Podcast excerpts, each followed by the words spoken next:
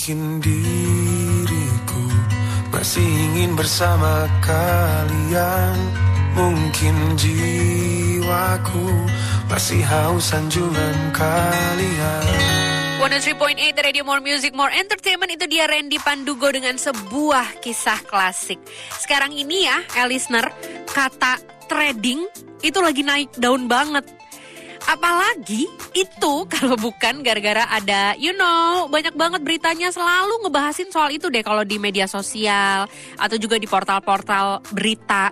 Membahas tentang oknum-oknum yang tidak bertanggung jawab yang menggunakan kata trading padahal sebenarnya yang dilakukan adalah judi. Nggak beneran gitu loh.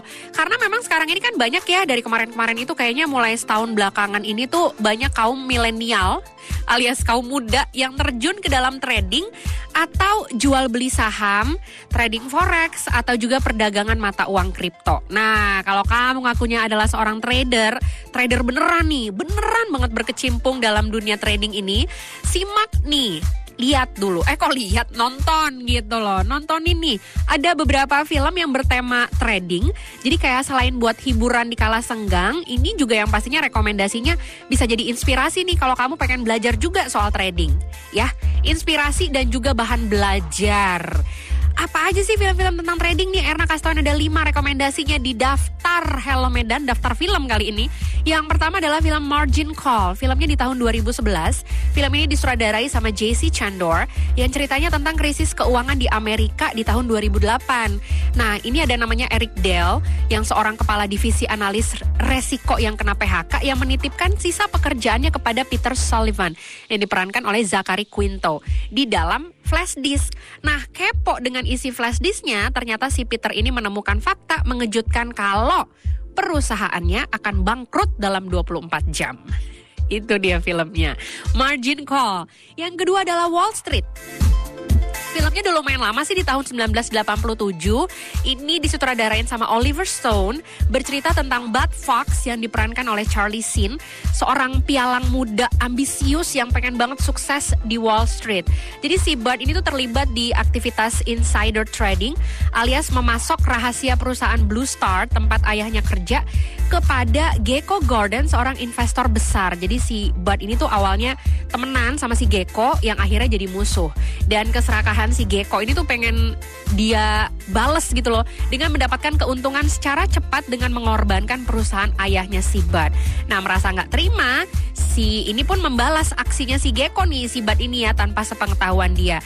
Dan dia ini menggunakan beberapa intrik yang dipelajarin untuk mendapatkan perusahaan ayahnya kembali. Dan yang ketiga adalah film Rock Trader. Filmnya di tahun 99, udah 23 tahun yang lalu ya. Ini diangkat dari kisah nyata Nick Leeson yang diperankan oleh Ewan McGregor. Seorang trader di salah satu bank tertua di Inggris yang namanya Baring Banks. Jadi ceritanya tuh si Nick ini sukses berkarir di kantor cabang Jakarta, Indonesia filmnya. Dan kemudian si Nick ini diangkat menjadi GM Trader Floor di Simex Singapura. Dan kemudian si Nick ini melakukan praktik kecurangan cross trade yaitu transaksi jual beli yang dilakukan oleh satu pihak. Dan Nick ini juga membuka beberapa akun untuk melakukan transaksi. Dan aktivitas trading Nick ini membuat Baring Banks bangkrut dan rugi 1,4 miliar dolar US. Wow.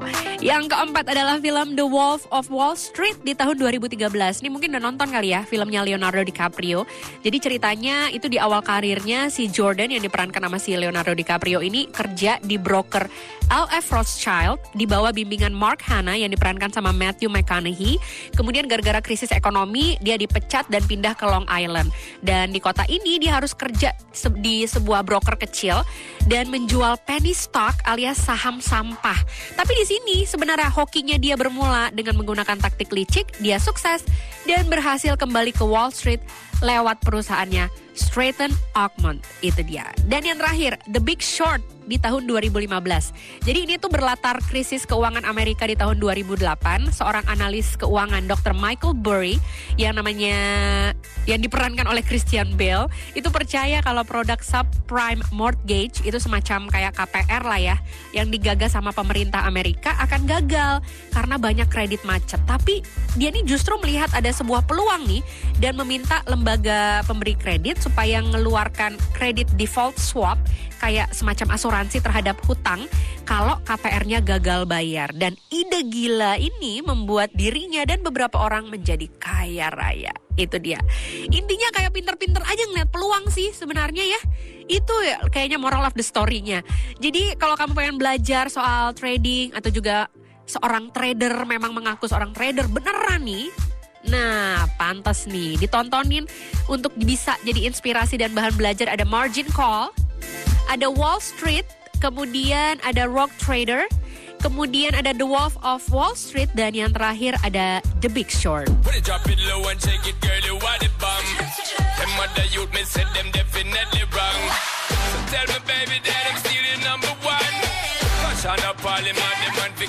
Let's go.